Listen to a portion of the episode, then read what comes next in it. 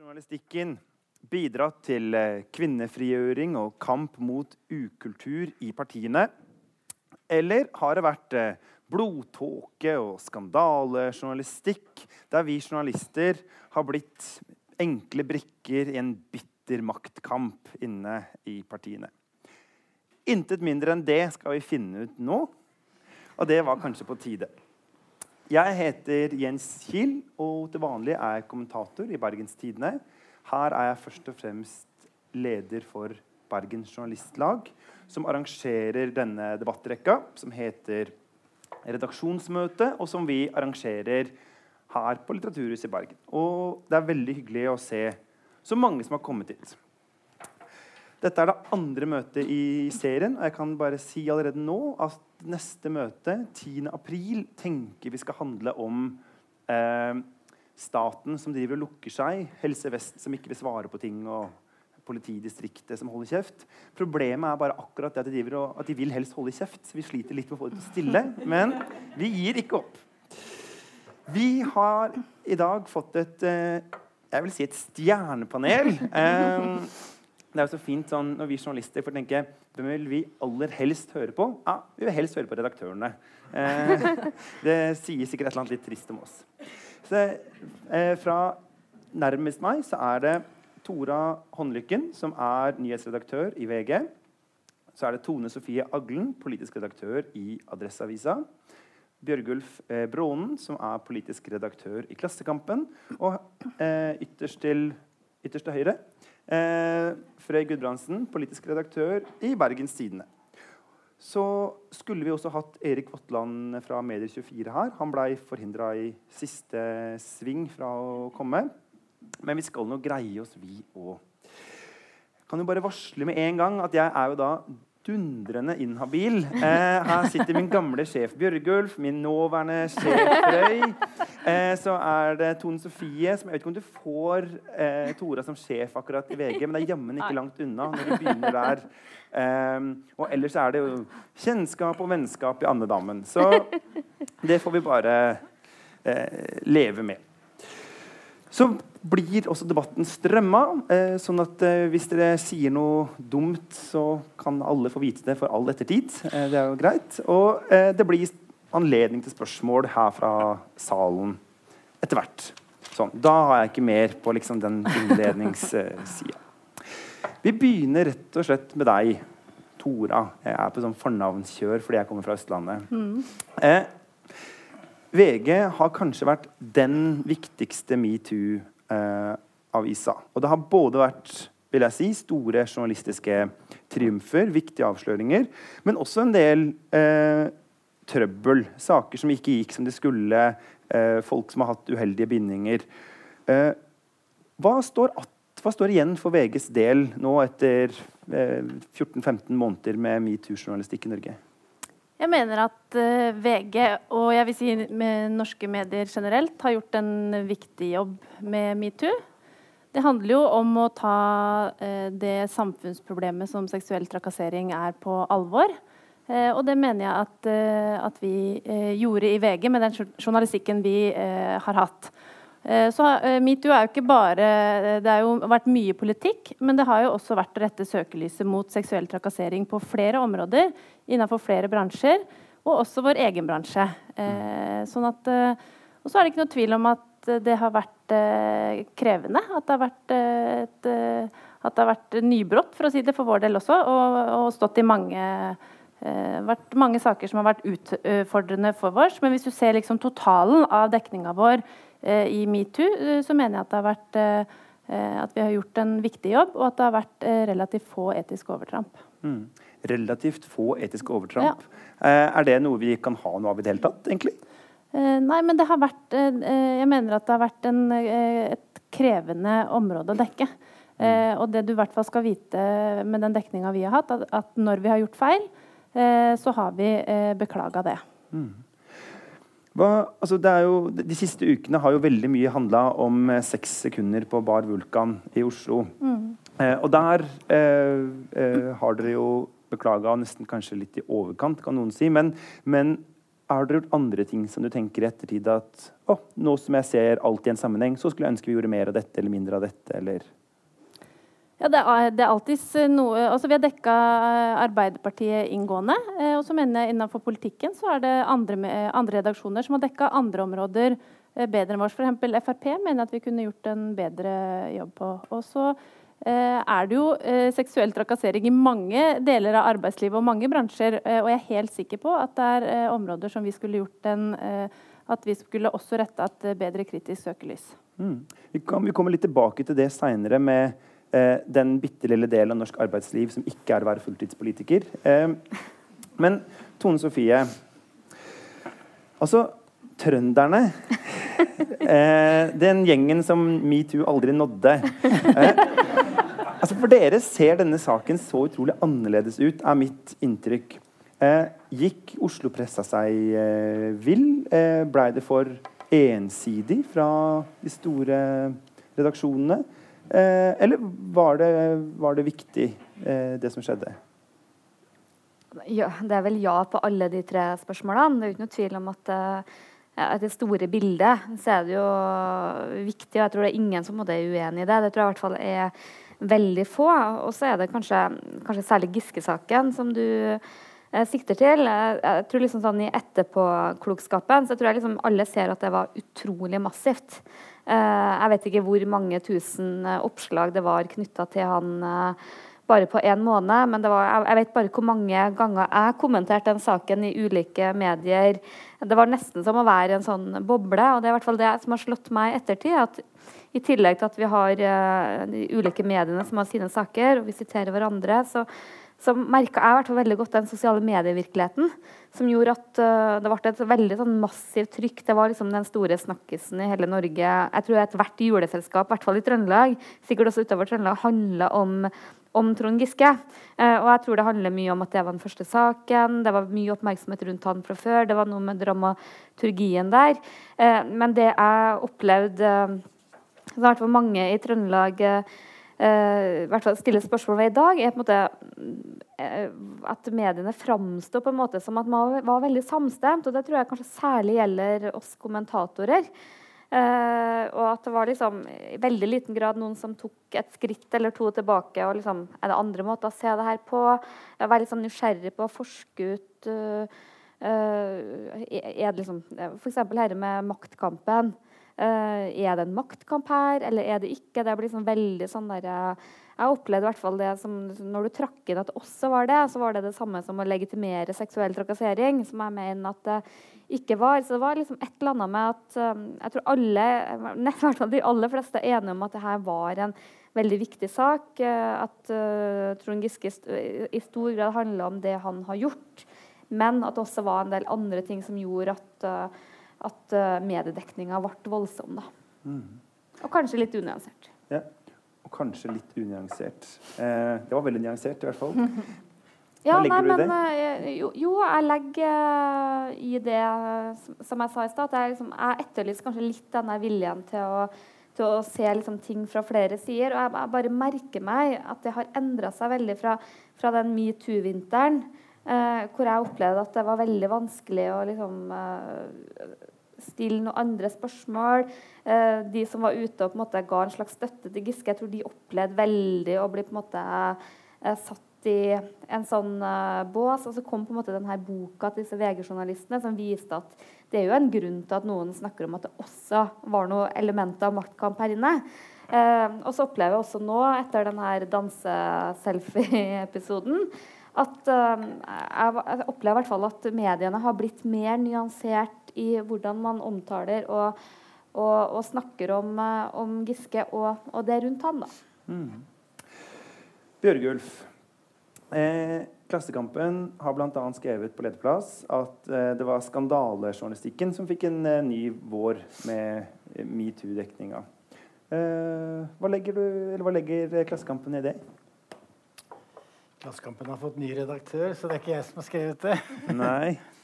Uh, nei, altså jeg Men du har jo også vært også kritisk til mye ja. av det som har rulla og gått, da. Det, det er ikke mye si. av det som har rulla godt, men jeg mener det er noen det er noen spørsmål som jeg mener uh, altså Det er veldig mye anonyme kilder.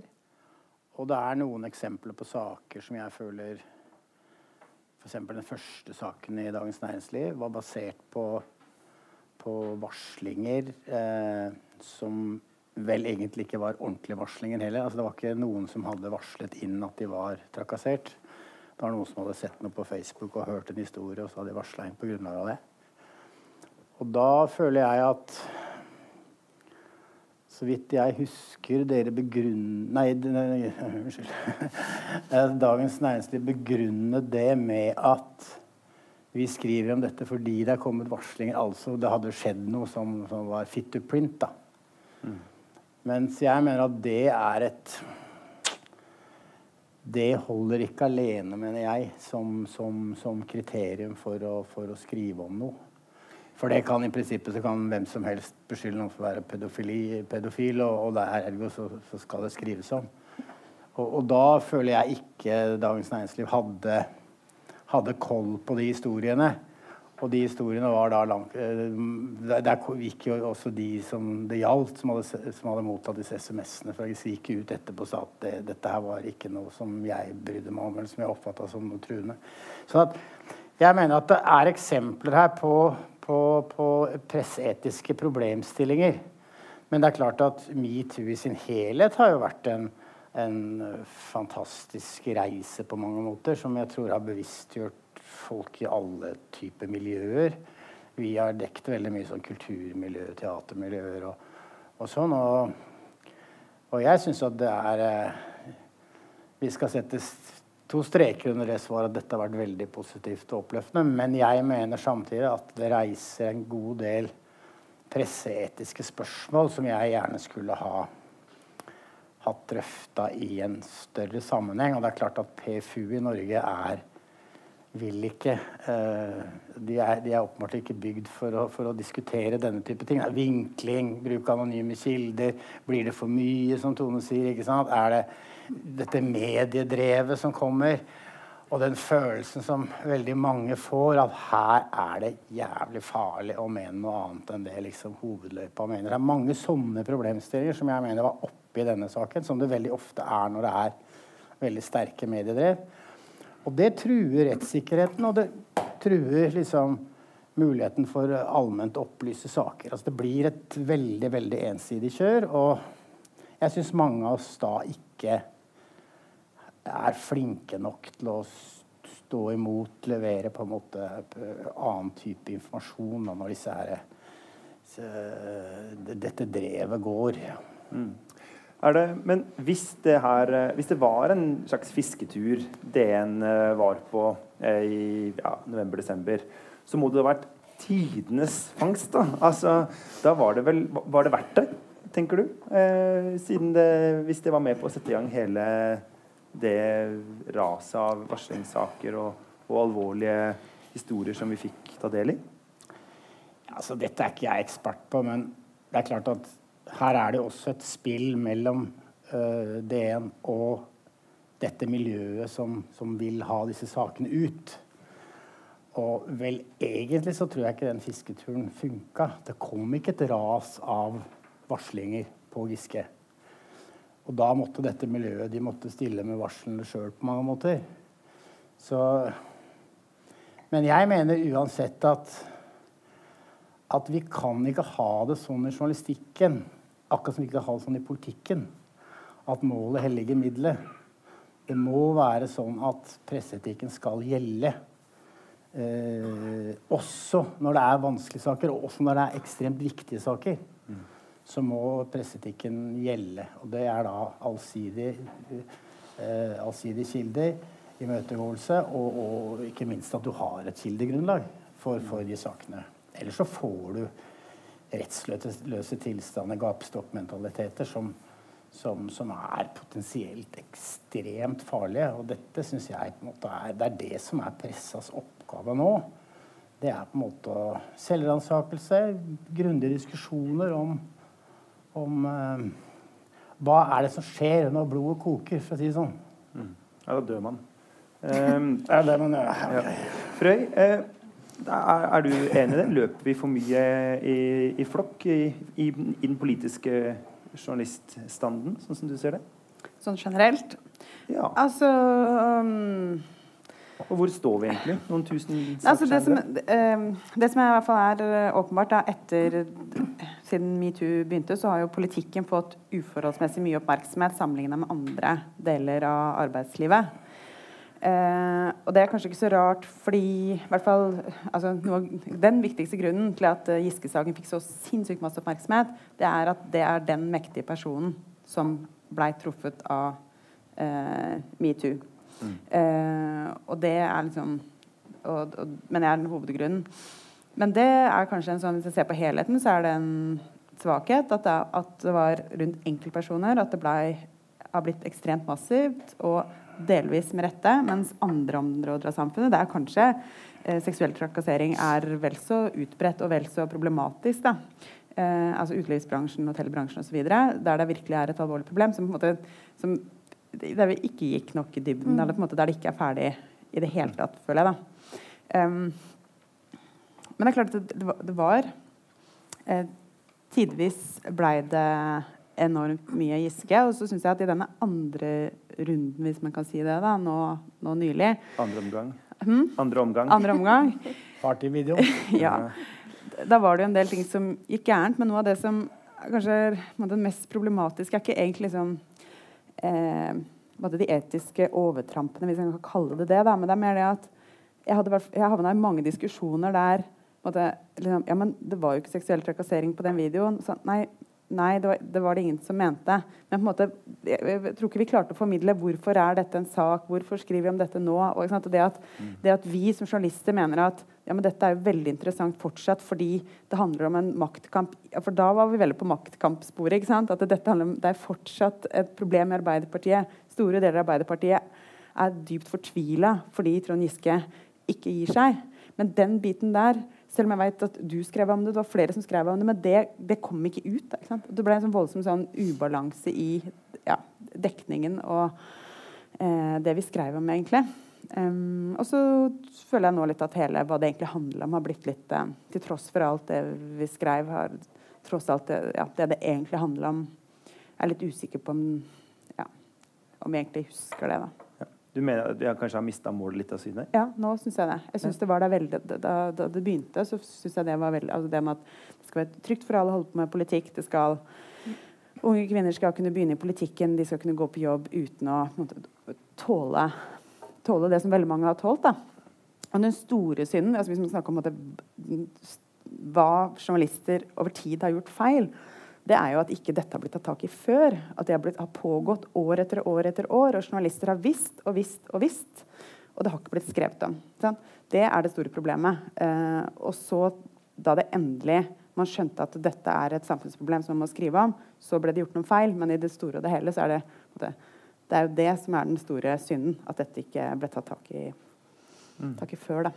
Og så er, tenker jeg kanskje at vi har glemt litt hva det egentlig handla om igjen. Da. Ja. Det er ferdig med innledende spørsmål. Det er bare å tegne seg til hverandre også. Men eh, nå kommer jo denne videoen opp, da, Tora, så vi får vel snakke litt om den. Eh, eh, for én ting er at dere har beklaga, men hva eh, tenker du at, Er du enig med Frey? At vi har mista målet litt av syne? Og har det blitt ble det for mye kluss rundt den? Eh, Tenker du rundt den, eh, akkurat den saken? Ja, eller? og andre omgang, da, hvis vi kan kalle det det. Andre omgang. Eh, nei, jeg mener at eh, det er ikke i en sånn type sak, da, så betent som, som Giske-saken er, og, det, og også med tanke på det eh, omfanget av saker og, og mengden kritikk som har kommet, så er jo eh, så er det ikke rom for å trå feil. Og i den saken så, så gjorde vi det. Eh, og det. Og da mener jeg at det, når vi innså det, eh, så eh, beklaga vi det. Og det mener jeg at eh, du stiller spørsmål om vi eh, kanskje har beklaga for mye. Eh, og det eh, Jeg har ikke noe problem med å beklage hvis vi mener at vi eh, ikke har gjort en god nok jobb. Og når vi ikke klarer å formidle, eh, formidle faktisk hva som skjer, det er jo jobben vår. Eh, å få fram hva som skjer i en eh, situasjon. Og når vi eh, ser at det bildet vi tegner, blir feil, ja, så mener jeg da er det, det, mener jeg det er det som bygger tillit. At vi da kan stå med rak rygg og si beklager. Eh, vi er lei oss for at det ble feil. Mm. Men har vi på en måte har målet glidd litt for oss underveis? At vi starta med, som Frøy sier, en sånn eh, Det handler om muligheten for politisk engasjement, og nå er det litt sånn taking down. Mm. Ja. Eh, nei, jeg tror Frey er inne på et godt poeng i forhold til at vi har jo, eh, Hvis du kan se på liksom, eh, dekninga vår av metoo, har jo handla veldig mye om politikk. Men det er jo all mulig grunn til å tro at, eh, at, eh, at det er vel så store utfordringer i andre deler av arbeidslivet, og som har vært underdekka. Eh, så jeg mener at det er jo den viktige jobben også videre nå. At, eh, at metoo skal, jo, eh, skal jo ha ført til en endring, og at vi skal dekke seksuell trakassering på de andre områdene også. Og der hvor blindsonene våre kanskje er større enn innafor politikken, som vi er grunnleggende sett veldig opptatt av. Da. Ja. Purgulf? Samtidig så mener jeg vel på en måte at politiske organisasjoner i bred forstand er, det er ganske viktig at det er på en måte ledelseskulturer som er ålreit. Hvor du ikke på en måte utnytter posisjonen din, og, og, og spesielt når det er yngre folk til, eh, inne i organisasjonene. Og det som Når Frøy sier at liksom, journalister har visst, så, så, har de sikkert det. Men jeg mener at liksom, den store tanken du får, er hvorfor har ikke Arbeiderpartiet sjøl, eller AUF, eller hva som helst, hvorfor har ikke de sjøl klart å sette skapet på plass og sagt sånn nei, dette er en oppførsel som ikke går an, du kan ikke reise rundt i landet på denne måten, Og er det nok av historier. Det er ikke, det er ikke straffbart nødvendigvis. det er bare sånn, sånn gjør vi det ikke i en politisk organisasjon. At ikke dette på en måte av egen kraft er blitt stoppa, det syns jeg er en, er en, ganske stor takke, tankevekker, egentlig. altså. For vel, egentlig kan man si at denne saken burde ikke vært i avisene. Ikke sant? Den burde vært takla av de organisasjonene som, som, som, som, folk jobber i. Og Hele pressa er jo egentlig stappfull av gamle AUF-ere. De er jo overalt. Eh, du har jo et par i VGs kommentaravdeling, f.eks. Jeg lurer på om Hanne Skartveit satt i sentralstyret med Trond Giske i AUF. I hvert fall på eh, forskjellige fløy i tilfelle. Ja, det tror jeg også. Men, men liksom um, uh, Hvis alle har visst hva, hva, hva, kan vi lære av at vi har gått Antageligvis, da. Og om vi ikke har visst, har vi i hvert fall hørt noe. eller sånn. Hva kan vi, hva kan vi lære av det som uh, kollegium, egentlig? Tenker dere? Altså, jeg tror at, det, at, at um, det var, ble ikke alltid sett på som uakseptabel atferd. At man skjønte altså den der, maktubalansen og hva det gjør, og hva det gjør med unge kvinner. og sånn, bare det der, Alt det vi lærte gjennom metoo, det bare hadde man ikke skjønt. så Det var ikke sånn at det var en slags sånn pakt der liksom nå, Dette velger vi i fellesskap å dysse ned. altså Det var bare sånn at ting skjedde som man ikke nødvendigvis kvinner ikke ville snakke om. Og man ikke nødvendigvis så på det som så veldig problematisk, da, mm. tror jeg. Tone Sofie? Nei, jeg tror det er to ting. Jeg, jeg, vil jo ikke si at pressen ikke har prøvd å gjøre noen ting. For jeg vet jo at, uh, at uh, Giske og rykter rundt han er jo noe det har vært jobba med uh, mange ganger, uten at man har klart å få noe konkret eller noe som Det er en grunn til at det aldri har vært skrevet om. Og det er ikke det at det ikke har vært snakka om og ikke har vært prøvd. da. Men så syns jeg kanskje det er vel så fascinerende det som har skjedd innad i Arbeiderpartiet. Og det skrev jeg en kommentar om Eh, rett etter at det her på en måte mm, brøt løs. Og jeg tror på en måte at eh, en person som Trond Giske han har hatt så mye makt og han har hatt så mye autoritet at, eh, at folk har på en måte ikke tør seg å korrigere det som er atferd som ikke har vært OK. Mm. Og det tror jeg på en måte er en eh, kultur som jeg i hvert fall har sett i Trondheim Arbeiderparti, som jeg kjenner ganske godt. Eh, ikke bare knytta til denne type oppførsel, men på andre ting. At når enkelte maktpersoner har så mye har en så sterk posisjon, har så mye autoritet og blir oppfatta som så dyktige, så har på en måte folk eh, eh, rett og slett ikke korrigert og bare liksom levd med at sånn er det. Det var jo litt det vi så i Høyre òg. Når man istedenfor å ta han unge Høyre-lederen eh, bort, så satte man liksom på han en sånn type vakt. Og Det er jo sånne liksom, kroneksempler på at du ikke tar eh, eh, rota til problemet, men du på en måte finner en eller annen måte. Og, sånn tror jeg liksom at det har vært, i hvert fall deler av det politiske miljøet i år etter år. Og, liksom, og det tror jeg ikke handler om sånn veldig graverende ting, men at man har liksom finne andre måter å gå utenom det. Mm. Så er det jo litt det som er med metoo. Det er jo det skillet som har kommet. Nettopp det at, eh, at eh, de som sitter inne med opplevelser, eh, sier ifra eh, og blir hørt. Og jeg tror ikke vi trenger å gå heller til eh, politikken. For at det, det, metoo i Norge starta jo egentlig med vår egen bransje. Mm. Eh, sånn at Det er jo liksom det som det er blitt beskrevet som det vannskillet. Nettopp det at Eh, at nå tror jeg folk, at unge kvinner og menn i større grad sier ifra, blir hørt. Og vi opplever at det rommet for å lage journalistikk på det er til stede. Og så skulle vi jo helst ha, ha Hadde ikke trengt en, en, at det kom fra USA og en sosiale medier-kampanje for at vi skulle skjønt det. Eh, men jeg tror bare at det er eh, Nå er det etablert, og så blir det bare viktig at vi følger opp på det. Mm. Burgulf?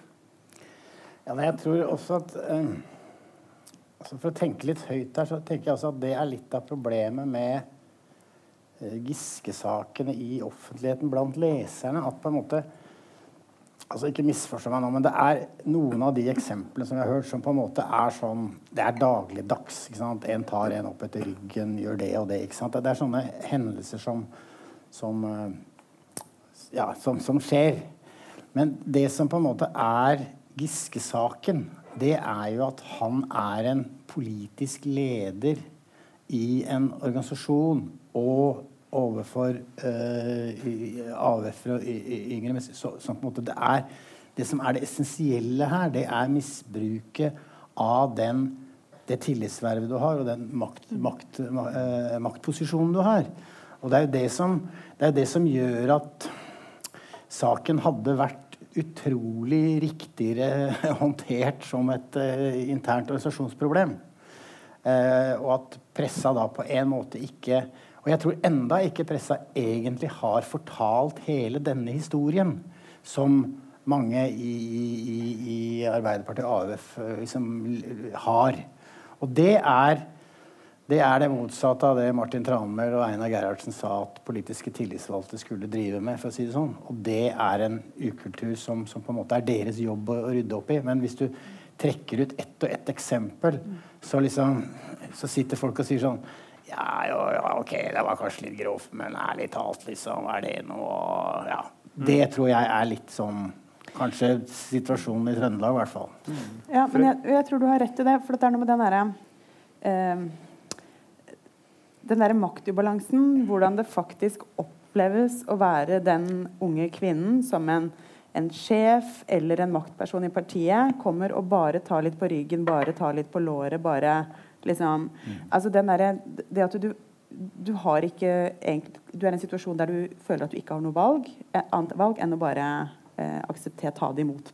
Eh, og det Jeg er veldig usikker på om det liksom, Forståelsen av den, det er så stor. da, Vi liksom har nådd helt fram med det. For jeg føler liksom at jeg... Og den frihetsbegrensningen som, som ligger det, i det. Ja. Mm. Jeg er usikker på om, om vi, er kommet, er vi er ferdig med det, eller jeg tror ikke det. Nei. Eh, det er jo Noen av de som gjorde et eh, forsøk, si, var jo Marie Melgaard og Lars Joakim Skarvøy. To av VGs eh, veldig gode politiske journalister. Og får jeg kanskje legge til to gode venner av meg. Eh, og eh, det er jo ikke så stort eh, eller så har jeg sagt det om. Men, og de, de har skrevet en bok om det. Det, jo, det må jo sikkert komme noe mer bøker om dette på sikt. Men et spørsmål som jeg bare har gått og lurt litt på, er det eh, når de skriver stadig nye saker som eh, pisker opp dette, de, de, tjener jo penger på at dette er en sak i offentligheten. Tenker du eh, som forfattere? Ja. Eh, ja. Og den boka har vi solgt som hakka møkk. Uh, ja, det, da veit du mer enn meg. Uh, jeg tenker at uh, den, de, de, de, har gjort en viktig jobb som journalister. og at du går inn og gjør et dypdykk i, den, i Arbeiderpartiet, i den krisa som det partiet har stått i. Eh, det mener jeg er, eh, har vært et viktig bidrag inn for å få, for å få vist nettopp de, den maktkampen som det har vært. da. Eh, og så eh, har ikke jeg tenkt på de perspektivene du sier rundt, eh, rundt økonomien. Jeg opplever at, eh, at journalister skriver bøker, og at de først og fremst er opptatt av å avdekke de tinga som, som, ligger i saken. Mm. Men har den boka Tone Sofie, vært med på, tror du, hos trønderne å plassere VG som en avis nei, på Hadia sin fløy i maktkampen? Hmm. Mer enn de allerede hadde gjort det fra før? Det er jeg usikker på. Nei, jeg syns den boka på mange måter var god. Jeg skrev i min uh, kommentar om den, det var ikke en anmeldelse, at uh, hadde den i tillegg uh, fått med perspektivene fra Giske sin side, så hadde, liksom, det hadde virkelig heva den veldig mye, men jeg vet jo at det ikke var mulig. Men jeg var jo imponert over hvor mye eh, ja, og litt uh, forskrekka egentlig over lekkasjekulturen og hvor mye innblikk man faktisk har i, veldig sentralt i et parti. Men eh, sjøl om boka på en måte var litt eh, unyansert, så tror jeg faktisk at den kretsen rundt Trond Giske, om du kan kalle det det, egentlig var relativt fornøyd med at mye av det de har hevda om at det var noen tette bånd der, at det på en måte er blitt vist fram. Og jeg tror også at at Giske sjøl Nå skal ikke jeg si at jeg vet hvordan han tenker og føler, men jeg tror han også var fornøyd med at, at de varslene kom fram i sin helhet. Eller innholdet i det. For det jeg tror mange på den sida opplevde, var at F.eks. Hadia Tajik kunne stå og si at dette er rystende lesing som jurist. Og så blir det liksom opp til folks fantasi hva er det han har gjort. Liksom. Det, uh, har han voldtatt noen? Har han uh, strøkket noen på ryggen? Det, det, uh, og det har liksom slått meg, i hvert fall den dekninga at det er veldig mye sånn innforståtthet. Jeg tror veldig mange i pressemiljøet har mye mer innsikt enn det vanlige folk har. Uh, og Derfor så tror jeg også at jeg hører veldig mange sier at metoo har gått for langt. og sånne ting, Fordi de leser i avisa at han har sendt en tekstmelding om hvor er nachspielet, eller han har strukket noen på ryggen. Og er det det her som er metoo? Spar oss, liksom. Så, så, jeg tror kanskje det er litt sånn det som sitter litt igjen at uh, Presse-Norge, i hvert fall veldig mange, har hatt mye mer innsikt og, og vet mye mer og har mye mer meninger om det enn det som kanskje er kommunisert ut. da. Kanskje også fordi vi har hatt, hatt noen gode kilder som vi ikke har hatt lyst til å brenne brune til ved å bare si vi vet alt dette, men det betyr at den personen ikke kommer til å gi noe mer. Kan det være sånne effekter òg, tror du? Liksom jeg vet ikke, men i hvert fall sånn for mitt eget vedkommende, da når denne saken eh, sprakk, eh, så så hadde jeg på en måte Det eneste jeg har til felles med Trond Giske, at vi er trøndere. Det var en person jeg hadde veldig, veldig sånn Uh, veldig sånn fjernt forhold til. Eh, kjente den ikke personlig, aldri drikke øl med han. Og det syns jeg var veldig behagelig, for det gjorde at jeg ikke følte at jeg hadde noe som helst bindinger til han. Heller litt sånn analytisk avstand. Men jeg hadde heller ikke noe nærhet til varslerne og de miljøene der. Eh, slik at For meg så var det veldig enkelt å måte, prøve å sette ord på det jeg har observert, og liksom prøve å fortolke det. De sier det, og de sier det. Som jeg mener av og til er en viktig jobb for en kommentator. Uh, mens jeg, kanskje er det sånn at andre er mye mer tettere på en del kilder som uh, åpenbart har, har en sterk antipati. Da. Mm. Ja, Det er en av de pressepolitiske tingene som jeg syns er tankekors. Det er, liksom, det er det, nettopp det du sier, at, at varslene, det konkrete innholdet, var ikke ute i, i, i, mediene. Mens det var fritt fram for eh, alle mulige å si det var helt grusomt, det var helt forferdelig, jeg er sjokkert, jeg er rysta som jurist og hva som helst. Og det skaper jo på en måte en rettstilstand som er ekstremt komplisert. da. Så jeg liksom øh, øh, Jeg kan spørre VG, selvfølgelig, men altså, disse varslene kommer jo i boka. Og er enda ikke trygt i VG, til tross for alle de sakene som er skrevet. Så de ja, ja, Her har du samtidig tilsvarsrett. så de varslene er jo trykka. Det var jo hele tida et uh, journalistisk mål for oss å få ut det. Og samtidig så står du i en sånn situasjon med de sakene var jo at, uh, at uh, kvinnene eide jo på en måte sin historie. Det var jo litt av det som, som, var krevende i den saken. Om vi måtte få det som det, de evna i, i forbindelse med den boka, var å få tilgang til eh, faktisk få ut hele varslene. Det hadde vi ikke klart i forkant. Eh, og, eh, og, hadde også fått en, en, en aksept for å få, å få publisert innholdet. Og de varslene ble eh, trykka i VG. sånn at det, De ble trykka i boka først? er det sånn? Ja. ja. Ja. Surt, uh, surt, å tape kampen mot egne gjestjournalister, eller? jo, men dette er jo lenge etterpå. Så det, altså, ja, og... sånn under hele liksom, saken så var ikke varslene ute. Da var kjernen av varslene ute. Det publiserte vi også i forbindelse med at uh, med at uh, Trond Giske Hvis du ser det fra Trond Giskes side, så er, det, er dette et, et, et, utrolig komplisert uh, materie. Da. Altså, du har egentlig ikke noen rettssikkerhet. da overhodet. Mm. Og, og, og, der mener jeg også at mediene Jeg husker Fridtjof Jacobsen i VG sto utafor det, det der eh, Folketeaterbygningen i Oslo, hvor det var landsstyremøte i Arbeiderpartiet, som krevde at nå måtte, det, nå måtte han kastes der og da, liksom. Og det det var uten at han hadde kommet med kontradiksjon i det hele tatt. Så jeg mener at det var tendenser der til sånn gapestokks gatejustisgreier som også mediene pusta på og krevde på en måte handling. For det mener jeg må være minimum. At de som er anklaga, må få lov til å svare for seg. liksom. Og, og det fikk jo Trond Giske eh, underveis i hele dekninga. Så at han valgte jo å ikke svare på de beskyldningene. Ja, nå snakker Han jeg om Arbeiderpartiet. Ja. Men, i, men, i, det, Men i mediene så fikk han jo full tilgang til det. Ja, men og han kunne ikke svare, han- at- La Tora snakke ferdig. Han tok jo sitt valg om å ikke svare. For sam den samtidige imøtegåelsen ligger der i forbindelse med alle sakene, og han valgte å, å, å ikke bruke, bruke den retten. Og så eh, er jeg helt eh, enig eh, i at i, hvis du ser på totalen, så var det så mangla dekninga. Det vi var opptatt av, var jo også å få inn motstemmer. De som også for, nettopp fordi at Giske ikke valgte å bruke den retten som han hadde til å, til å uttale seg, så vi er opptatt av å få motstemmene inn som kunne si noe rundt den saken. Og Det er det en av de tinga jeg har tenkt over i etterkant, som Tone Sofie også er litt innom. At vi, eh, jeg syns ikke vi var flinke nok til å få inn andre motstemmer eh, når eh, Trond Giske valgte å ikke forsvare seg i, i mediene.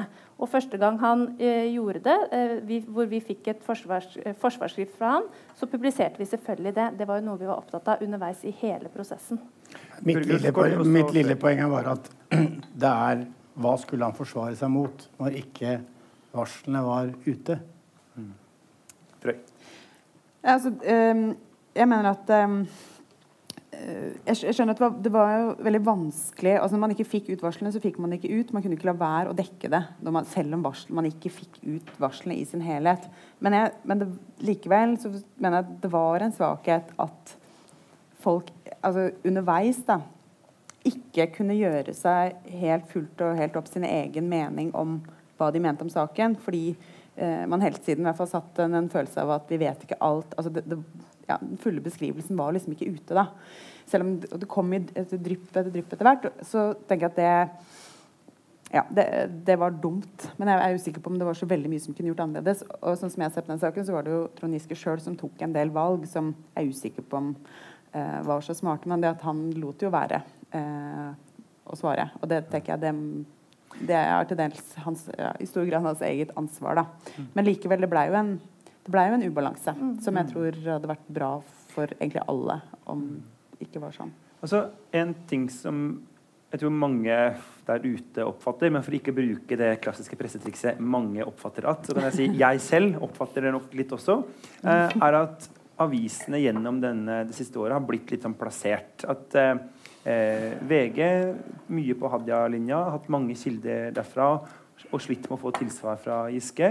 Eh, Dagbladet mer ofte på liksom, en slags Giske-tidene. Og sånn som her om dagen, hvor de hadde den saken om at han eh, valgte å eh, liksom kjøre hardt for å få ikke nestedeplass, men AU-plass i fylkesstyret i Trøndelag. Og forsida var Giske bidro til løsning. Eh, ikke sant? Eh, og, og sånn har det vært med en del andre også. DN på eh, Hadia-linja, åpenbart. Eh, NRK kanskje mer eh, på Giskes eh, side. Er det en oppfatning dere er enig i? Sitter den der ute? Og har dere den selv? Eller på bare frihånd, syns jeg, nok en gang. Bjørgulf? Nei, Det var jo Dagens Næringsliv og VG som hadde, de beste, eller hadde kildene og var drivende hele saken. Så øh, vi andre måtte på en måte bare finne vår posisjon. Det jeg på en måte føler, var at, var at de også på en måte orkestrerte liksom hele pressa, på en måte. Det er klart Dagbladet var hadde en liten periode, så, så fikk de sånn overskuddsmateriale fra fra Giske, men det var liksom det var eh, VG og, og DN som drev kjøret. Og det er klart at i den folkelige oppfatningen, når det viser seg at begge de to avisene også ender opp med kjæresteforhold med to av de mest sentrale aktørene, så, så mm. tenker man jo sitt, da. Selvfølgelig. Mm. Andre på dette? Nei? Ingen som tør å si noe på det? Eh, eh, er det Jeg tenkte vi skal slippe til eh, salen hvert øyeblikk. Så eh, Marie, hvis du bare forbereder deg på å eh, finne fram eh, mikrofonen. Så kan du tenke på om det er noen som har noen spørsmål. Eh, men eh, er det Jeg har et, liksom et poeng som jeg føler ikke har vært oppe. Hvis du ja, ok, for Jeg har et spørsmål også, men, men Ja. da, tar, da tar vi poenget til Bjørgulf, og så tar vi mitt spørsmål, og så tar vi spørsmålet fra salen. Er det en bra plan? Ja. Nei, altså jeg bare mm, Jeg nevnte det så vidt innledningsvis. Jeg føler at det er mange spørsmål som vi har rundt sånne drev. Uh, og jeg føler at i Sverige nå så har Pressens opinionsnemnd de har dømt uh, Aftonbladet og nærmest hele svensk presse for manglende presseetikk i metoo. Men det gikk langt, altså. ja og jeg tror ikke det er den samme situasjonen i Norge.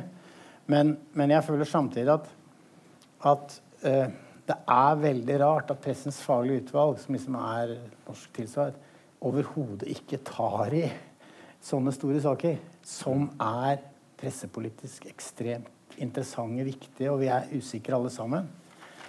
Eh, men det er i hvert fall åpenbart noe som skjer. og så jeg føler at altså Nå har Olav Terje Bergo, eh, gamle BA-redaktøren, vært ute og ønsket liksom at uh, Norsk Presseforbund skulle se på det. Det er en som heter Paul Bjerke, som er, eh, er eh, professor, er han det? Nei. Jeg tror faktisk han har klart å bli ja, professor. på.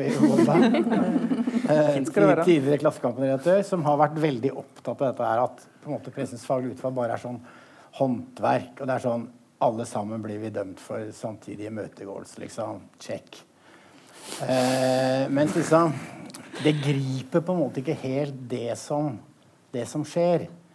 Og det er kanskje ikke det aller viktigste heller.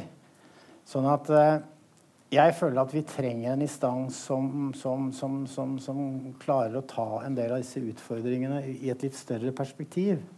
Og jeg bare ser den Pressens opinionsnemnd i Sverige. Da, den er annerledes oppnevnt. Og dette er selvfølgelig pressa utrolig redd for, og jeg har for så vidt vært redd for det sjøl òg, men den, der er lederen oppnevnt av Advokatforbundet, tror jeg. Han er liksom ledende jurist. Og så er det Sivilombudsmannen som oppnevner representantene for allmennheten. Og så er det presseorganisasjonene som, som oppnevner eh, de andre. Men de er i flertall, presseorganisasjonenes representanter. Men likevel så får du en, på en måte en helt annen, en helt annen sits i det utvalget. I Norge så er det én eller to i allmennheten som presse har plukka ut på noe Enten fordi de er veldig lojale, eller fordi de er såpass uh, utrerte at de bare kan kjøres over, liksom. Så eh, jeg føler at, eh, at jeg skulle, eh, ja, jeg skulle veldig gjerne ha sett at vi hadde et En kommisjon, liksom. Ja, hvor vi liksom kunne gått Ja. gjennom det. Vi har jo Tønne-saken. Vi har jo ja, også den Trine Skei Grande-saken som Resett begynte å publisere Har et spørsmål om den nå, sant? men uh, Og, ja. og Giske-saken nå, så, så jeg, jeg eh, Frøy, kommisjon? Ja, altså øh, jeg, Etter at jeg skjønte vil, hva de faktisk hadde på en måte, blitt felt for i Sverige, da, og de feilene de faktisk hadde gjort, så måte følte jeg mindre behov for en sånn kommisjon. Selv om jeg, måte, jeg er helt enig i at det, man bør i hvert fall sikre at man tar de, de debattene skikkelig nok. Da. Men altså, det er ganske, jeg tror at mange av de tingene som svenske medier ble felt for, de hadde man blitt felt for i norsk PFU. For det var, liksom, det var ganske udokumenterte påstander som ble stående umotsagt. Og det var liksom det var ganske, men, og det som er bra i Sverige òg, var jo at det var jo øh, øh, svenske medier også som begynte å gå etter hverandre og undersøke hverandre. Og det var vel en en um, utdrag granskning Ja. om metoo Ja, som, som uh, rist, ja, rista ganske kraftig den, andre, den øvrige dekningen. Så jeg ble liksom, etter at jeg skjønte på en måte hvor mye stand altså hvor grove feil de faktisk hadde gjort, så tenkte jeg at dette, dette hadde faktisk eh, PFU håndtert òg. Så Og så, opp, og så opplever jeg at vi har diskutert mye også. Jeg synes at vi har diskutert mye underveis. Og jeg vet i hvert fall i, i VGs redaksjon så har vi diskutert dette inngående. Eh, og, eh, og er sjølkritiske. Eh, ikke sant? Eh, Så jeg tror liksom eh, Vi har PFU. Vi har hatt mange diskusjoner hvor vi har eh, sett på hvordan metoo-dekninga har vært. Jeg opplever at det er en stor grad av eh, eh, sjølransakelse eh, i,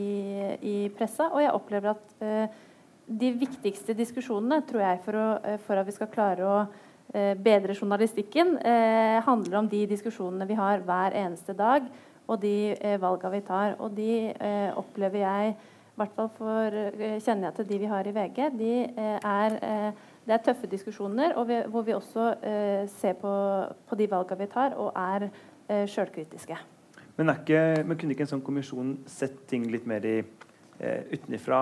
Også sett det kanskje litt ut, uten de, den, all den eh, tilleggsinformasjonen vi sitter på, og osv. Du var jo innom Tønne-saken. Den, eh, den kommisjonen som kom i etterkant der, viste jo nettopp det at nei, det var ikke et sånt enormt mediedrev som folk har påpekt eller påstått ofte. Eh, det var eh, Sakene holdt stort sett et veldig sånn saklig nivå eh, som handla om eh, pengerot og disse tingene.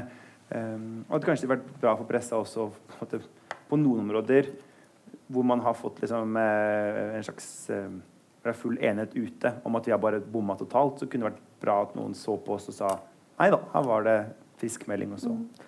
Jeg opplever at vi, i hvert fall i VG, vi har hatt eh, forskere inne som har forska på metoo. Vi har stilt på de spørsmålene. Vi har hatt uh, omfattende debatter på mm. Scoop med, uh, med mange journalister. Sånn det, men, uh, så jeg opplever at de kritiske spørsmåla stilles. og så mm. en kommisjon eller ikke. Jeg har ikke noen sterke meninger om det, men, men i hvert fall så så opplever jeg at, at, vi har diskutert det mye, og at vi har vært sjølkritiske også. da.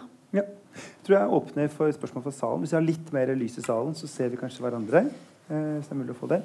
Er det noen som vil tegne seg der ute, og som har noe For ellers så har jeg jo tjukt av spørsmål på blokka. der ser jeg rett og slett Davy Vatne. Så da får du en mikrofon. Hvis jeg kan spørre VG Når dere forfatter den setningen med at uh, det ble litt mye, som åpenbart en konstruksjon i VGs redaksjon i en bestemt hensikt for å vri inntrykket av Bar Vulkan, skjønner dere da at i lys av det og Fridtjof Jacobsen og Jette Christensen at det reiser spørsmål om omgang én om VG faktisk hadde en agenda og ble brukt i en maktkamp. Skjønner dere at det spørsmålet kommer opp fordi at dere så til de grader endrer eller bruker en relativt uh, uskyldig eller kritikkverdig episode for alt den er verd når den kommer opp. Har det vært diskutert? Og hva er konklusjonen? Vi har diskutert den saken uh, masse, uh, og vi diskuterer den fortsatt. og det som det, det, det ikke er tvil om i den saken, der vi står nå, er at vi hørte ikke godt nok etter Eh, på den historien som hun jenta i videoen fortalte. Eh, og på det tidspunktet som vi eh, som, og, det oppdager vi jo ikke minst når NRK publiserer sin sak, hvor en annen side kommer fram, hvor hun sier at denne kvelden var ikke problematisk, den var uproblematisk. Eh, og derfor eh, så var det eh, det vi, eh, vi tar inn over oss den forskjellen der, Eh, så var det sånn at da må vi bare si at det beklager vi. Eh, og det handler eh, rett og slett om at altså Jeg tror ikke det er én, det er ikke én, én feil når, sånn, når det går feil i en sånn sak. Så tror jeg at det ofte er flere lag av feil, hvor den ene ofte bygger på den andre, for å si det sånn. Men det er helt sånn grunnleggende sett, vi, det beklager vi. Vi er oppriktig lei oss for at den saken kom feil ut. Det handler ikke om agenda, men det handler om at vi ikke gjorde jobben vår som journalister. Uh, og, eh, og at, at, vi som redaktører ikke skulle publisert den saken. Mm. Andre? 3, 2, 1 Der. Ja. Det er Terje Angelshaug vet jeg. Jeg hadde bare et spørsmål eh, til VG. Det er noe som har opptatt meg eh, i hele min tid som eh, pressemann. Det er jo forholdet mellom politiske journalister og politikere. Og hvordan politiske journalister ivaretar sin integritet. Det har forbauset meg veldig, veldig ofte at forholdet mellom politiske journalister i Oslo Eh, og eh, politikere er usedvanlig tett. Og hvordan, eh, hvordan når, Siden det er VG som er her, da, sant? Hvordan diskuterer dere det internt? Og hvilke kjøreregler har man for hvordan man omgår sine viktigste kilder? Det er jo flere her som sikkert kan svare på det òg. men Jeg kan godt svare på det. Ja. Eh, Vi diskuterer det mye. eh, Og det har jo vært en diskusjon nå den siste tida rundt eh, denne pølsefesten. ikke sant?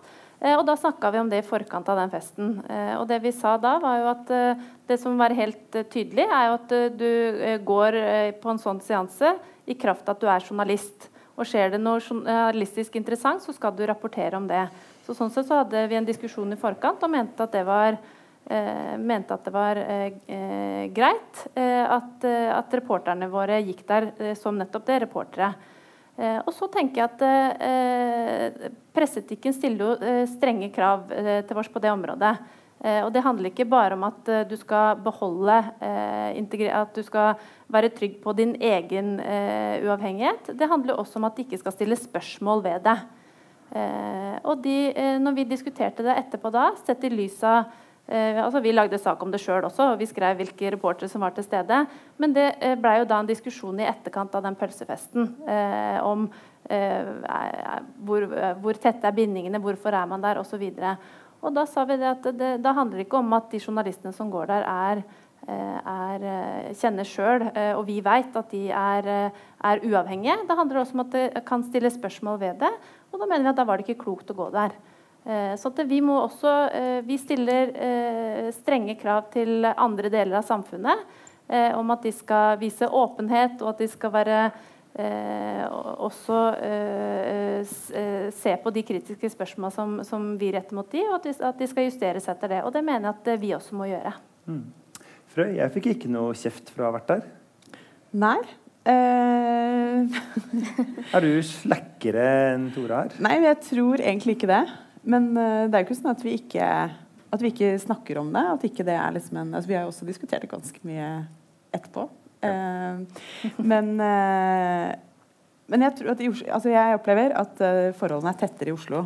Men dette jo ikke, det betyr ikke at det ikke er lignende problemstillinger her, eller at det ikke er lignende problemstillinger egentlig ikke som, som ikke nødvendigvis handler om det at altså, jo mindre stedet er, jo tettere omgås du jo også altså, Du ender opp med bekjentskaper bare fordi du treffer folk i barnehagen, på skolen, i andre deler av livet. Liksom. Så det der med måte, hvordan forholder du deg til folk som er i politikken, som du også kjenner, da.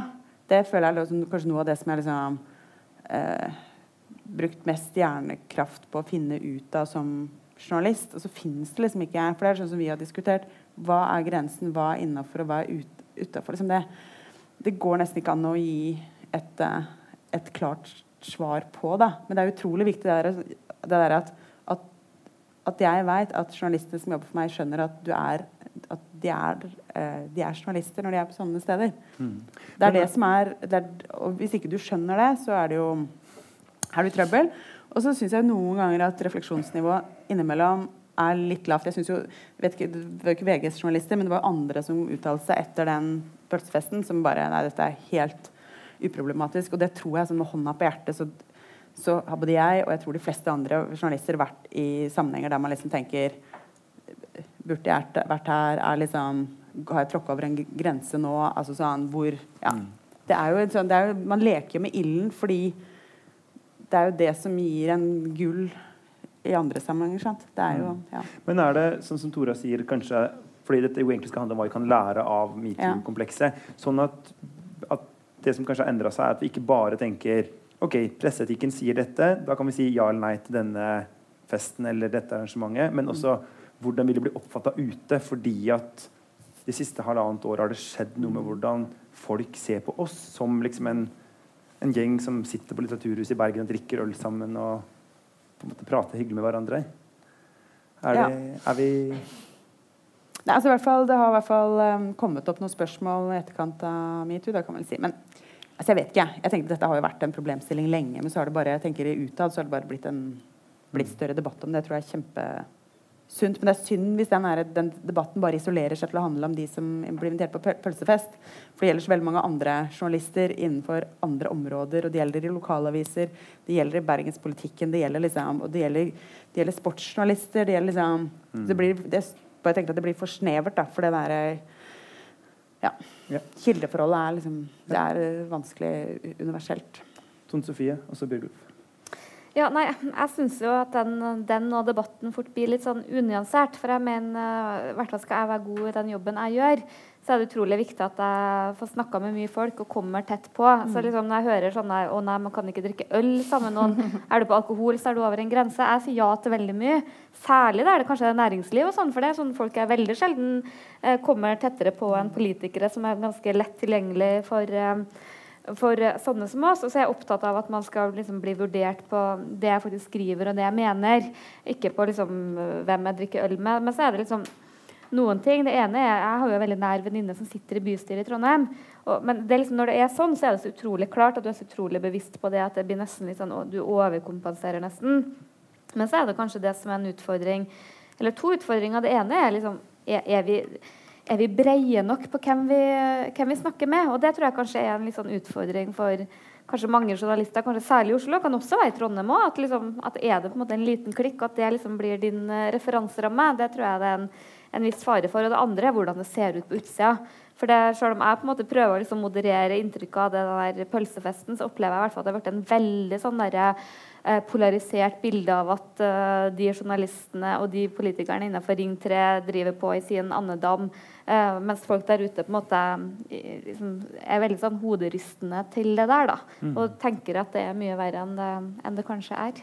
Ja, Bjørgulf, Klassekampen har jo eget arrangement i dag som bare handler om ølstøl i andedammen. Nei, men altså Det For alle oss som så hvem som var på den festen, og på invitasjonslista, så altså det interessante med det var jo at dette var en framvisning av det pressepolitiske komplekset som hadde drevet hele saken.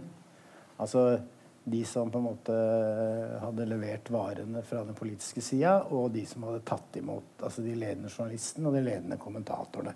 Det var ingen andre som var invitert til den festen, bortsett fra Espen Teigen, og det var han som lakk, eh, lakk hele lista til Nettavisen. Så, han jobber jo i Nettavisen. Ja, ja, ja.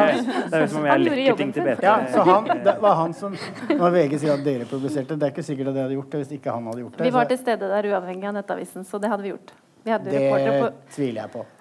Tviler du? Da, da, kan jeg si det så enkelt at Vi var på, til stede på utsida og hadde en uh, full intensjon om å dekke den uh, saken uavhengig av Nettavisen okay. sin sak. men det var i hvert fall Nettavisen som, Nettavisen som publiserte det, og det var jo en utrolig De slo oss på den saken, men for å si det sånn, og det er bittert, men vi uh, var der for å dekke den saken. Ja. Okay. Men bare si en ting. Men det er det jeg syns er interessant, liksom det der å gå på arrangementer og ikke arrangementer. Det, det, er jo bare at det, det, det, er en framvisning av noe. Og det er det jeg tror alle, alle, alle, alle så. da. Jeg synes Arne Jensen, han, eh, leder i Redaktørforeninga, sa en veldig god ting eh, på et tilsvarende møte. Nemlig at eh, hvis du syns det er litt flaut at noen omtaler at du har vært på den festen, da har du et problem. Og Det syns jeg er litt sånn god tommelfingerregel for hvor man bør være og ikke være. Mm. Og så må du vite at uh, selv om du sitter og drikker øl, som jeg er veldig for, at man skal drikke øl Og det, jeg tenker at uh, våre politiske journalister er jo der hvor politikere er. Det betyr i stortingskantina, det betyr uh, alle steder hvor politikk utøves. Og så er jo liksom den store testen da er om evner du å skrive kritisk dagen etterpå. Mm. Eh, og det må du eh, evne å gjøre. ikke sant? Og det, og det ansvaret eh, opplever jeg at VG-journalister er seg veldig bevisst. Kommentaravdelinga i BT har vel som ett av to strategiske mål for dette halvåret å drikke mer øl med kilden. faktisk. Eh, jeg har lyst til å spørre om en ting, og det er eh, for at noe av det som jeg opplever har skjedd i metoo-komplekset, det er at eh, at for alvor så fighter vi journalister ikke bare med konkurrerende medier, men også med sosiale medier, alternative medier osv. Altså jeg har diskutert f.eks.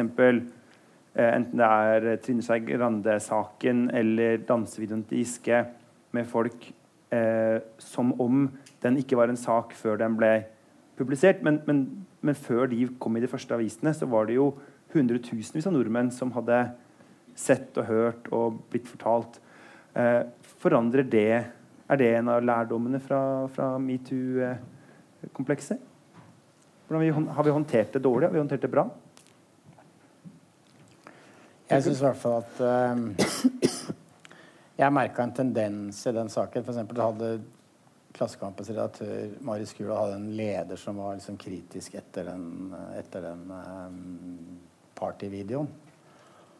Og da sa Marie, eh, Marie Simonsen i, i, i, i Dagbladet på, på, sosiale medier at at Klassekampen eh, oppmuntret til populistisk mediehat. Og, eh, og, da tenkte jeg Hva er det uttrykk for? Da, da tenker man liksom mediene er en sånn slags uh, gruppe. Og da, da, da, Kritikk av mediedekning det er da liksom på en måte kritikk av mediestanden, altså med sånn SMS, nei, MSM-Trump uh, i bakhodet. Mens jeg tenker at det som vi, er, vi bør tenke, det er at eh, når det er mediedrev, og, og, og, så er det på en måte så er det hver enkelt av oss som har kanskje et høyere ansvar, eller et større ansvar, for å, å, å lete etter kontrære vinkler, kontrære stemmer, for å utfylle det mediebildet. For hvis vi rotter oss sammen i en slags sånn følelse av at vi er MSM, så er det da er det helt åpent for, for, for, for, for uh, sånne anti Altså store, store høyreorienterte f.eks. medier. og Da har de masse å spille på. Vi hadde f.eks. en sak nå på lørdag fra Gule Vester i Frankrike. og de, de fulgte bare med på Russian Today.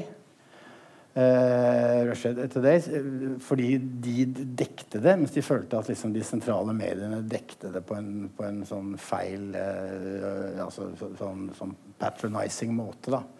Så jeg tror dette er veldig sånn, sterke faresignal. Det er utrolig viktig at vi er ute der hvor menneskene er, på en måte, og ikke blir en sånn Oslo-orientert medieelite som rotter seg sammen i en felles forståelse av verden. Der er jeg helt enig med Bjørgulf i det han sier. også at, eh, at vi skal jo eh, Nå er det jo viktig at vi nettopp diskuterer journalistikken vår. Eh, og at vi nettopp er opptatt av å finne motstemmer. Eh, og at vi løfter de fram. At vi er kritiske mot oss sjøl, mot hverandre.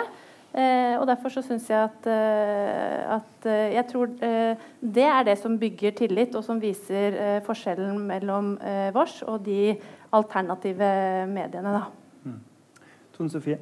Ja, og jeg mener jo på at media er på sitt beste når vi på en måte eh, prøver å utforske fra forskjellige vinkler. og Det var kanskje det jeg savna litt fra den Giske-saken når den drev som verst. og Jeg opplevde i hvert fall litt sånn derre eh, at uh, fordi jeg var trønder, så var jeg automatisk Giske-fan. Det kom sånne type utsagn fra kommentatorer som at Trøndelag framsto som en sekt som ikke brydde seg om seksuelle overgrep. jeg vet, og, og, det bør egentlig bekymre litt. Og, eh, jeg brukte vel egentlig en kommentar du har skrevet også, Jens, her forleden eh, som et eksempel.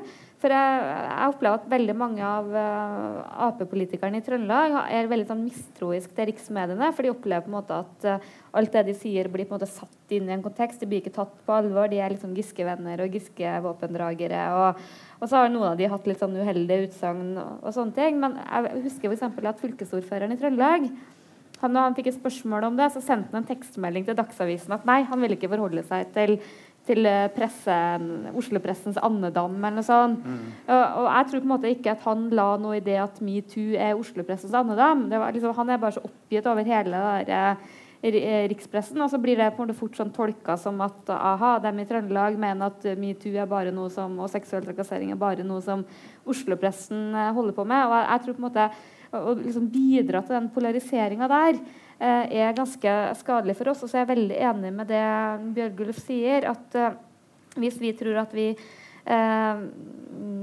er sånn bolverk mot alle andre medier ved å liksom framstå mest mulig samla i flokk, så tror jeg det virker mot sin hensikt. Jeg tror nettopp det Hvis vi i mediene framstår som mange ulike stemmer, evner å være sjølkritisk, løfte fram andre vinklinger, så tror jeg det øker vår troverdighet. Mm. Ja, Uh, enig i det, og litt enig i det lille sparket på leggen jeg fikk også. Uh, uh, ne, vi skal inn nærme oss slutten her, hadde jeg tenkt. Og Ja, hvis det, hvis det, er kort, så. Du må snakke i mikrofonen. Ja, ja. Nei, jeg fikk, bare, jeg fikk, bare, en tanke i hodet nå da det var snakk om dette å, å snakke ned folk å snakke ned bevegelser som man kanskje ikke har et nært forhold til, som man kanskje ikke helt forstår. Og det Inntrykket jeg har fått, er jo at Senterpartiet er noe av det verste Oslo-pressen, altså eliten i Oslo-pressen, mm, synes. Altså eh, Senterpartiet er jo stemplet som et rent populistisk parti nå. Og blir veldig kritisk behandlet. Er det uttrykk for noe av det samme? At man ikke er så ofte ute i de områdene der Senterpartiet så sterke, er sterke. Og forstår bevegelsen bak Digge. Ja, det er Senterpartimann. Men eh, jeg syns ikke Senterpartiet har forandret seg så mye. Ne. Vil gi det et veldig kort svar, for det er jo litt på siden Ja. av problemstillinga. Men, Nei, jeg kan si det, eh, svar- ja. altså, for det første så mener jeg at eh, jeg mener at Senterpartiet helt definitivt bruker populistisk retorikk. Og det må det være mulig å si. Og så tror jeg det er sant likevel. Og det tror jeg også for når det gjelder bompengelisten, både i Bergen og mange andre steder, så kan man se for seg litt av det liksom, Hvordan man dekker man det? Hvordan forstår man egentlig det som ligger bak? Da tenker jeg i hvert fall at det er man i hvert fall tenke på hvordan man griper det an. da. Ingen, ingen debatt i Bergen uten at bompengene er nevnt. Nei, vi må nevne vi bompenger. vært det. Og Bybanen. Eh, ja. Vi, fint at vi ikke sagt det òg. Sånn. Eh, Men eh, altså neste fase Det vi jo Det vi alle på en måte håper, er jo at vi kommer dit sikkert en dag at vi eh, ruller opp og liksom hjelper de kvinnelige bygningsarbeiderne, og hotellmedarbeiderne og folk i Nordsjøen og alt sammen. Men blir det det, eller blir det bare nye runder i med Kristian Tonning Riise og Ulf Leirstein og Trond Giske enda liksom et år. Eh, hvor tror du at, Klarer vi å skrive om noe annet, eller blir det mer av det? Det er jo kanskje slemt å spørre dere som Mange her jobber jo med helt konkret politisk journalistikk, men uh, Tone Sofie?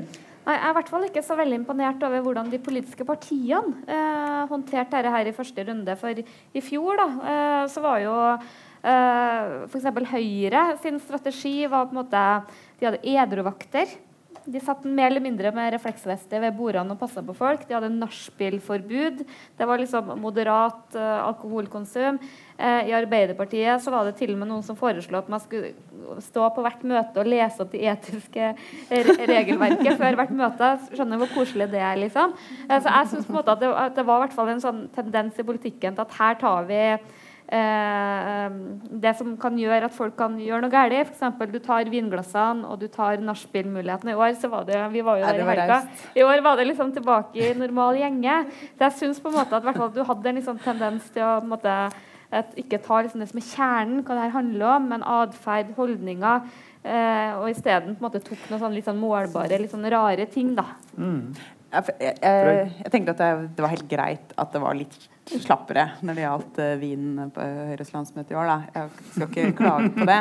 Men, uh, men jeg tror også at det, grunnen til at dette ikke, vi ikke helt kan slutte å skrive om det, er jo at partiene har håndtert det eh, altså, på, håndtert på en sånn måte at det provoserer folk i partiene. og det forts, altså, eh, Fortsatt så er det jo sånn at folk i f.eks. Fremskrittspartiet og Høyre reagerer på at personer eh, som har gjort ugreie ting, fortsetter å eh, være synlige på møter der de er. Og da mm, skal vi bare Nei, nå har vi skrevet så mye om det at nå, nå får de bare liksom Nå får de bare leve med det ubehagelige, liksom Ja, nå får vi slappe altså det, det, det blir veldig feil, det òg. Partiene liksom ikke eh, når partiene ikke har gått videre. og Da sier jeg ikke liksom at det er vi utenfra som krever, kommer liksom et krav om at de skal være ferdige, men det er fortsatt støy internt pga. partienes håndtering, og da må vi på et eller annet vis skrive, fortsette å skrive om det.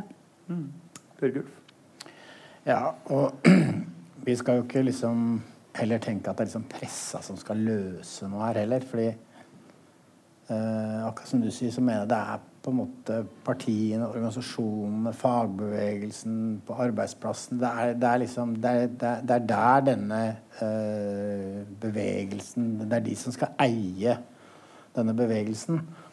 Og eh, jeg ser vel tegn på at det skjer ting i fagbevegelsen, f.eks., hvor, hvor dette diskuteres ganske nøye. Og, og jeg vil tro at på arbeidsplasser og sånn at øh, det vil være mye lavere terskel for å, å, å stoppe den type atferd blant enkeltpersoner eh, etter denne kampanjen. At det er et høyere bevissthetsnivå, og det er det, er det som måte, vi kan oppnå. da. Eh, jeg vil egentlig spørre deg om det samme. Også. Jeg bare skulle avsløre siste spørsmålet før jeg spør deg, sånn at dere har mulighet til å tenke bitte litt på det.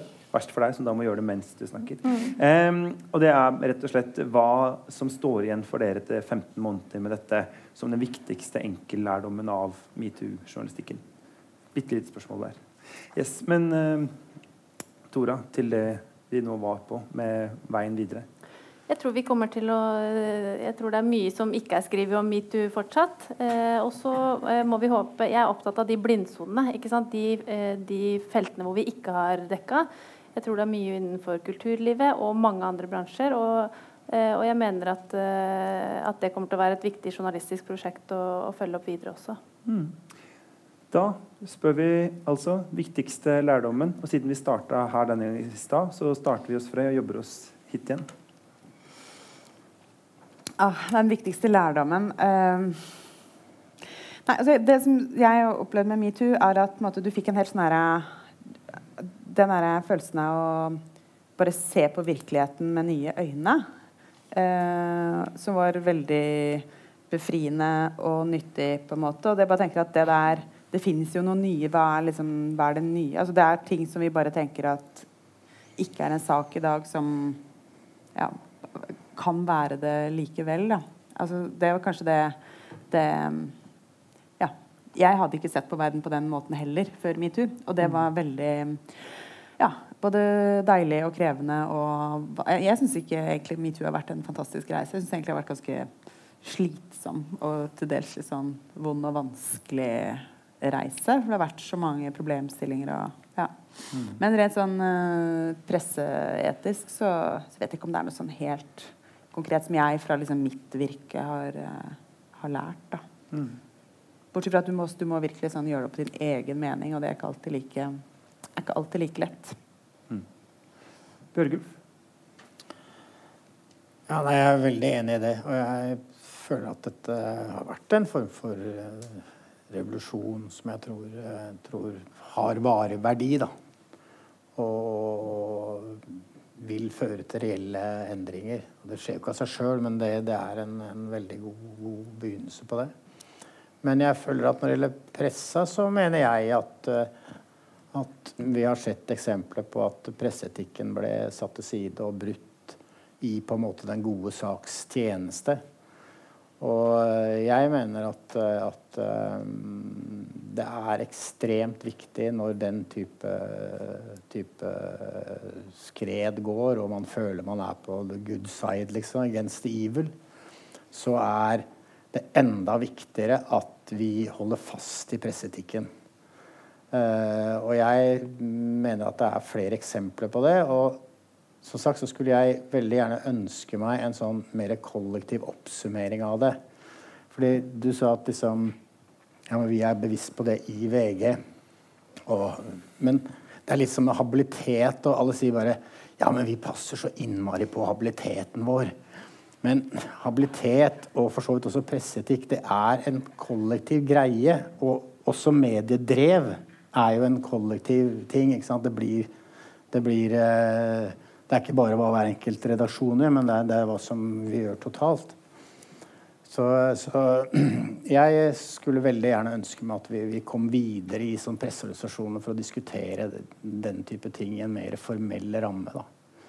Og jeg, jeg må si at jeg syns det er PFU som ikke som ja, Jeg syns det er litt tragisk, egentlig. Altså At alle de store sakene som berører pressa, det er Det diskuteres i hvert fall ikke der, liksom. Det, det er Ja, jeg syns ikke det, det, går, det holder ikke harde, harde ord fra Bjørgulf. Eh, Tone Sofie? Ja, Det jeg ikke har noe svar på, er jo om uh, metoo har uh, eh, flytta grenser for presseetikken. Uh, sånn, men jeg synes det er et veldig interessant spørsmål. Jeg håper jo at dette er noe som både blir forska på Jeg regner med det skrives sikkert mange masteroppgaver osv. om uh, de her sakene. For det syns jeg er på en måte spennende når man liksom får kjøla det og tar liksom de skrittene tilbake.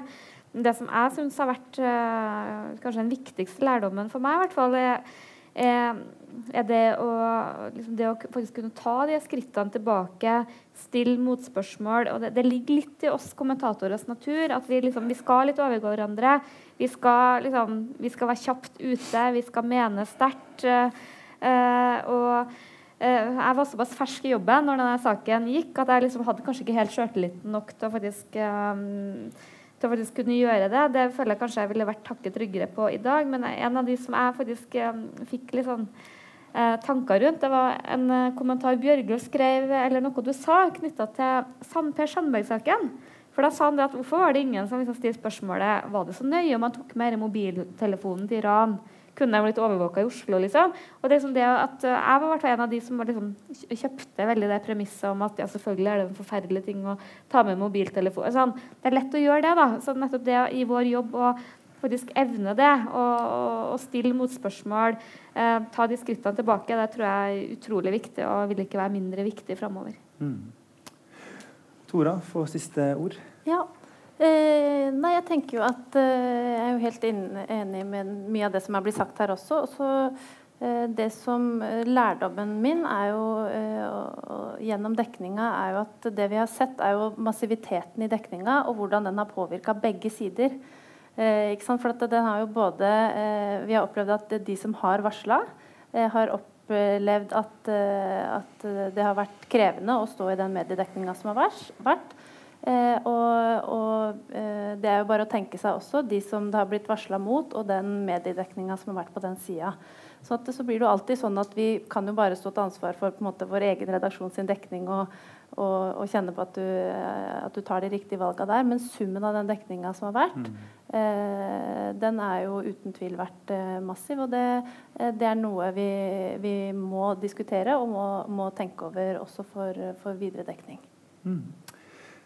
Tusen takk. Eh, jeg håpa liksom at det skulle bli et litt sånn selvkritisk, ettertenksomt eh, møte, og det syns jeg vi har hatt. Det har vært kjempeinteressant å høre på dere alle fire. Og veldig kult at det kom så mye folk, og veldig kult med dere som er et eller annet sted der ute og kanskje ser dette på internett.